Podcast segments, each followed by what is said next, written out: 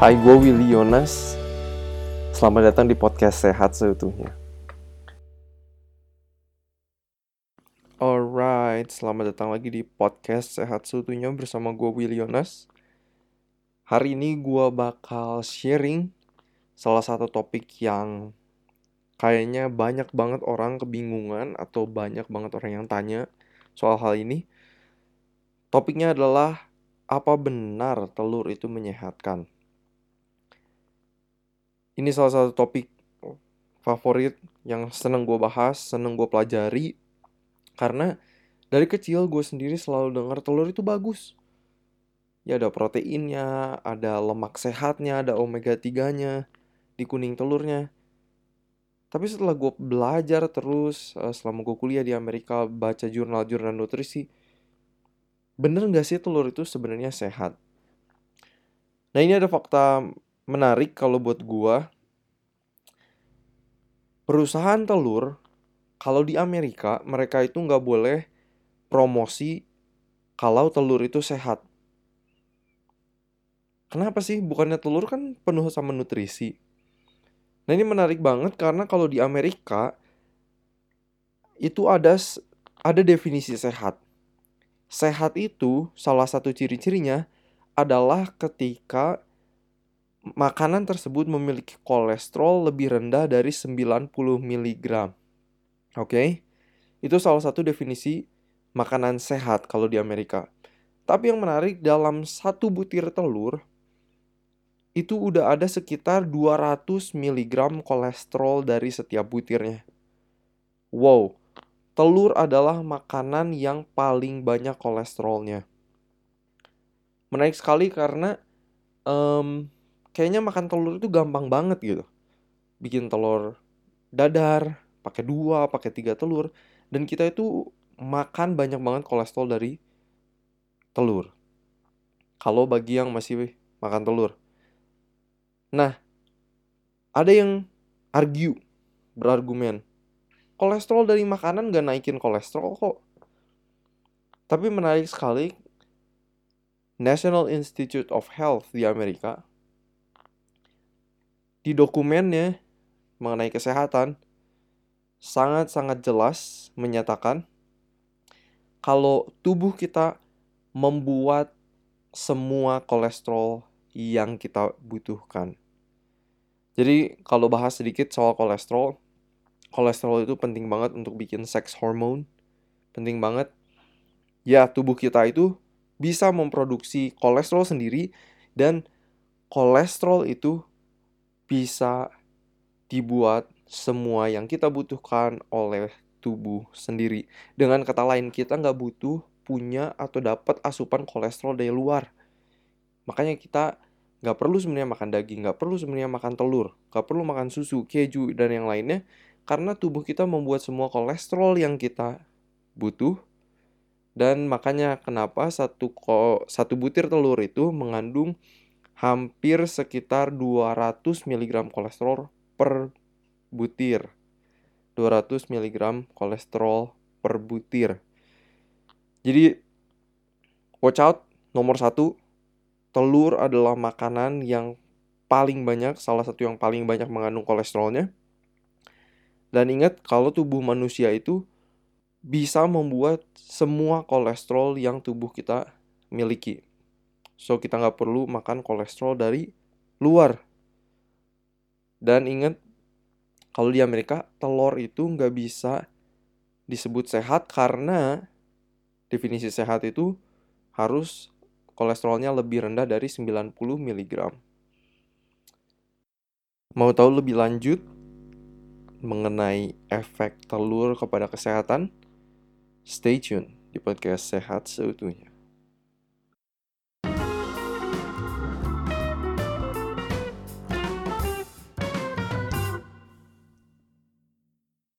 Nah ini yang menarik juga kalau di Amerika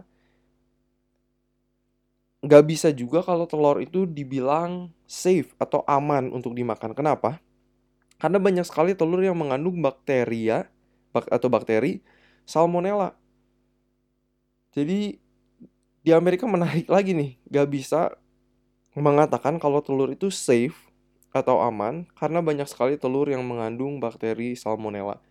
Jadi hati-hati uh, dan kalau ngomongin produk hewan yang lainnya, kalau kalian ngomongin soal daging yang dipotong, soal telur itu banyak sekali bakterinya dan itu nggak bagus banget buat kesehatan kita. So hati-hati. Nomor satu telur hati-hati dengan kolesterolnya. Nomor dua hati-hati dengan bakterinya, bakteri salmonella khususnya. Nah ini juga yang menarik. Ada satu senyawa yang mau gue omongin lagi nih. Soal telur. Ada satu senyawa di dalam tubuh kita yang namanya TMAO. Kalau dalam bahasa Inggrisnya itu TMAO. Itu singkatan dari trimethylamine N oxide. Belajar kelas kimia biologi sedikit, oke? Okay?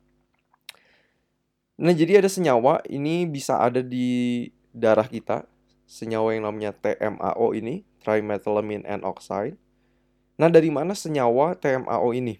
Dan kita juga bakal lihat apa sih efek dari si TMAO. Oke, kita ngomongin efek dari TMAO ini deh. Senyawa TMAO ini bisa ada di dalam darah kita.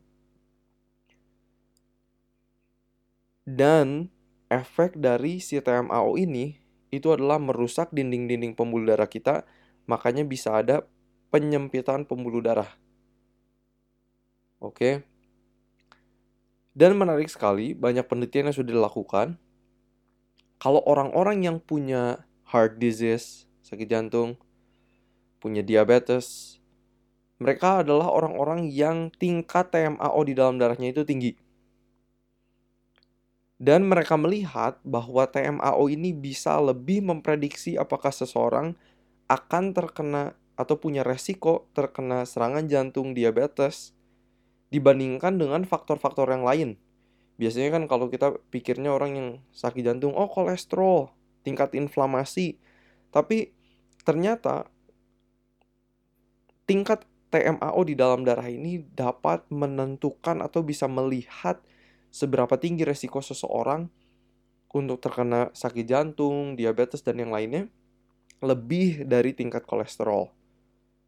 Dan ini adalah salah satu yang tadinya uh, kita pas gue kerja praktek di Amerika, Serikat mau coba research soal ini, tapi ternyata tes darahnya itu masih mahal banget. Jadi itu juga ini juga tes darahnya setahu gue belum bisa diakses sama uh, orang biasa mayoritas orang maksudnya kita nggak bisa ke lab uh, tiba-tiba ngomong eh mbak saya mau ini dong tes TMAO itu masih belum uh, biasa. Dan TMAO ini tesnya masih mahal banget tapi ini udah banyak banget dipakai sama research. Nah si TMAO ini kan jahat nih. Datangnya dari mana si TMAO ini? Jadi menarik banget TMAO ini trimethylene N oxide itu se senyawa sebelumnya itu TMA.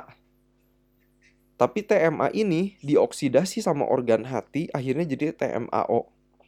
Nah, tapi datangnya dari mana sih TMA ini? Nah, TMA ini itu datangnya dari senyawa yang ada di makanan yaitu kreatin dan choline atau kolin. Kreatin dan choline itu terutama choline paling tinggi itu ada di telur. Telur, susu, produk hewani, daging, walaupun ayam itu ikan, itu mengandung choline. Oke. Okay? Dan choline ini ketika kita makan nyampe ke usus kita sama bakteri usus kita, choline ini diubah jadi TMA. TMA akhirnya pergi ke organ hati, akhirnya jadi TMAO karena sudah dioksidasi. Jadi gimana caranya supaya kita nggak dapat si TMAO ini? Kita nggak boleh makan makanan yang mengandung kreatin sama kolain. Paling tinggi itu ada di telur, produk hewani yang lainnya, keju, susu, dan daging-dagingan. Jadi ini yang pengetahuan mengenai TMAO ini adalah pengetahuan yang akhirnya membuat gue stop makan telur. Gue stop makan telur Dan ini apa ya maksudnya mind blowing banget. Dan setiap kali ini juga hal yang mau gue bagiin. Setiap kali kita baca penelitian kita juga harus hati-hati. Kenapa? Soalnya ternyata tempat penelitian gue pas di Amerika, Physician Committee for Responsible Medicine, mereka melihat uh, satu fakta yang cukup menarik. Mereka review banyak sekali uh, research-research mengenai telur, apakah telur itu bagus atau enggak, apakah telur itu naikin kolesterol atau enggak. Di 2013 pas mereka lagi neliti ini, mereka melihat bahwa 92% penelitian mengenai telur itu disponsori oleh perusahaan telur itu sendiri. Di 2015, 13 dari 15 penelitian soal telur itu disponsori oleh perusahaan telur itu sendiri. Kalau kalian ngedengar soal kayak gini, perusahaan telur yang bikin penelitian mengenai telur, agak bias nggak sih? Maksudnya bakal nggak sih perusahaan telur itu bilang kalau telur itu nggak bagus? Gak mungkin dong, maksudnya kalau mereka perusahaan telur, mereka mau dapat income dari jualan telur. Mereka nggak mungkin bilang kalau telur itu nggak bagus. Tapi kalau kita lihat research-research yang independen, kita jelas bisa melihat bahwa asupan telur itu menaikkan menaikkan tingkat TMAO di dalam darah dan itu meningkatkan resiko kita kena serangan jantung, diabetes, dan yang lainnya. Itu sedikit fakta soal telur. Jadi, gue mau recap sedikit. Yang pertama, menarik sekali kalau telur di Amerika itu nggak bisa dibilang sehat karena tingkat kolesterol sekitar 200 mg kolesterol per butir telur dan juga nggak bisa dibilang aman atau safe karena telur itu mengandung banyak bakteri salmonella. Dan yang menarik juga selanjutnya telur itu mengandung tinggi choline atau kolin yang meningkatkan TMAO di dalam darah. Oke. Dan itu knowledge yang akhirnya meyakinkan gue di tahun 2015 kalau gue mau berhenti makan telur. Anyway, tapi orang biasanya tanya, Gimana sama omega 3? Bukannya orang-orang vegan atau yang makannya plant-based diet suka kurang omega 3? Di telur kan banyak omega 3-nya. Bukannya itu bagus? Oke, kita melihat sedikit ya. Jadi gue baca juga banyak uh, mengenai jurnal-jurnal menarik sekali bahwa banyak perusahaan telur itu yang berusaha untuk meningkatkan tingkat omega 3 di dalam telur. Jadi mereka bisa lebih promosi, mereka bisa bilang ini telurnya tinggi omega 3 dan yang lainnya. Menarik banget kalau banyak industri ayam yang mau naikin tingkat omega 3 di dalam telur ayam itu ayam-ayam mereka mereka kasih makan flaxseed. Flaxseed adalah biji-bijian yang sangat ting yang sangat kaya akan omega 3. Flaxseed inilah yang dikasihkan ke ayam supaya telurnya lebih tinggi tingkat omega 3-nya. Menarik nggak sih? Kalau begitu, kita tahu flaxseed itu sumber omega 3 yang tinggi, kenapa kita nggak langsung makan flaxseed aja? Nah, tapi nanti orang suka argumennya kayak gini. Tapi kan di telur ayam kan ada EPA, EPA atau DHA, DHA yang bagus buat otak. Sedangkan katanya di flaxseed cuman adanya ALA, itu tipe omega 3 yang lain. Tapi yang menarik, tubuh kita itu nggak bisa, uh, sorry, tubuh kita itu nggak bisa buat ALA, ALA, tipe omega 3 ini. Nggak bisa. Tapi tubuh kita bisa merubah ALA jadi DHA dan EPA. Yang bagus buat otak. Dengan kata lain, kalau kita makan flaxseed yang mengandung ALA, terus tubuh kita akan merubah ALA itu jadi DHA dan EPA. Jadi sebagai orang yang makannya plant based, kita beli bisa beli flaxseed. Flaxseed itu termasuk murah. 500 gram itu 30 ribu, sekitar 30 ribu, tergantung kalian dapetnya di toko mana. Cuman buat satu, satu orang kayak gua, ngabisin 500 gram itu aja, seharga 30 ribu, itu lamanya lama banget. Bisa dua bulan kali, karena kebutuhan omega 3 kita sekitar satu sendok makan flaxseed itu udah cukup, cukupnya cukup banget. Nah, tapi juga sumber-sumber omega 3 lainnya yang dari plant based itu ada tofu, ada tahu, ada kacang kedelai, ada edamame, ada tempe. Itu sumber omega 3 yang bagus ya, ALA. ALA. Atau enggak seaweed. Kalau kalian suka seaweed, kalian bisa bikin miso soup, sup-sup di rumah kalian masaknya pakai rumput laut. Rumput laut juga sumber bagus untuk yang makan plant based atau yang makan vegan untuk dapetin omega 3. Tapi um, gua sarankan kalian bisa nyetok flaxseed, makan banyak tahu, tempe, edamame itu bagus banget. Rumput laut juga bagus untuk sumber omega 3. Chia seed itu juga yang lainnya, makanan-makanan biji-bijian yang uh, bisa memberikan asupan omega 3 yang bagus buat kalian. Wow, ini sedikit menarik.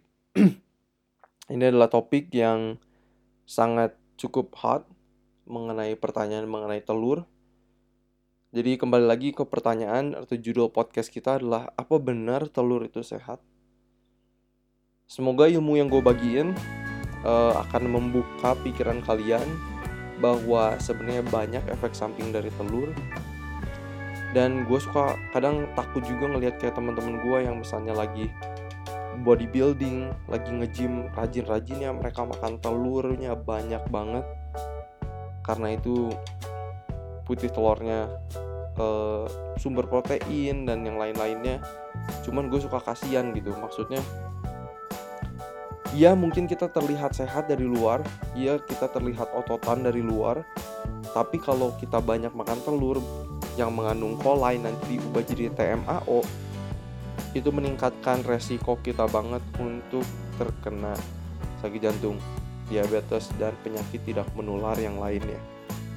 So, kalau kalian udah denger podcast ini, semoga gua harap doa gua kalian lebih berhati-hati makan telur kalau kalian bisa makan kalau kalian bisa stop makan telur that's amazing that's awesome dan kalian bisa dapat protein omega 3 dari plant based source dari makanan-makanan nabati yang menyehatkan, antiinflamasi, tinggi antioksidan, tinggi serat dan yang lainnya. So, gue harap ini bermanfaat buat kalian. Please rate podcast kita di Apple Podcast dan juga bagiin podcast-podcast ini podcast setuhnya ke teman-teman kalian. Semoga semakin banyak orang yang bisa hidup sehat, semakin sehat seutuhnya.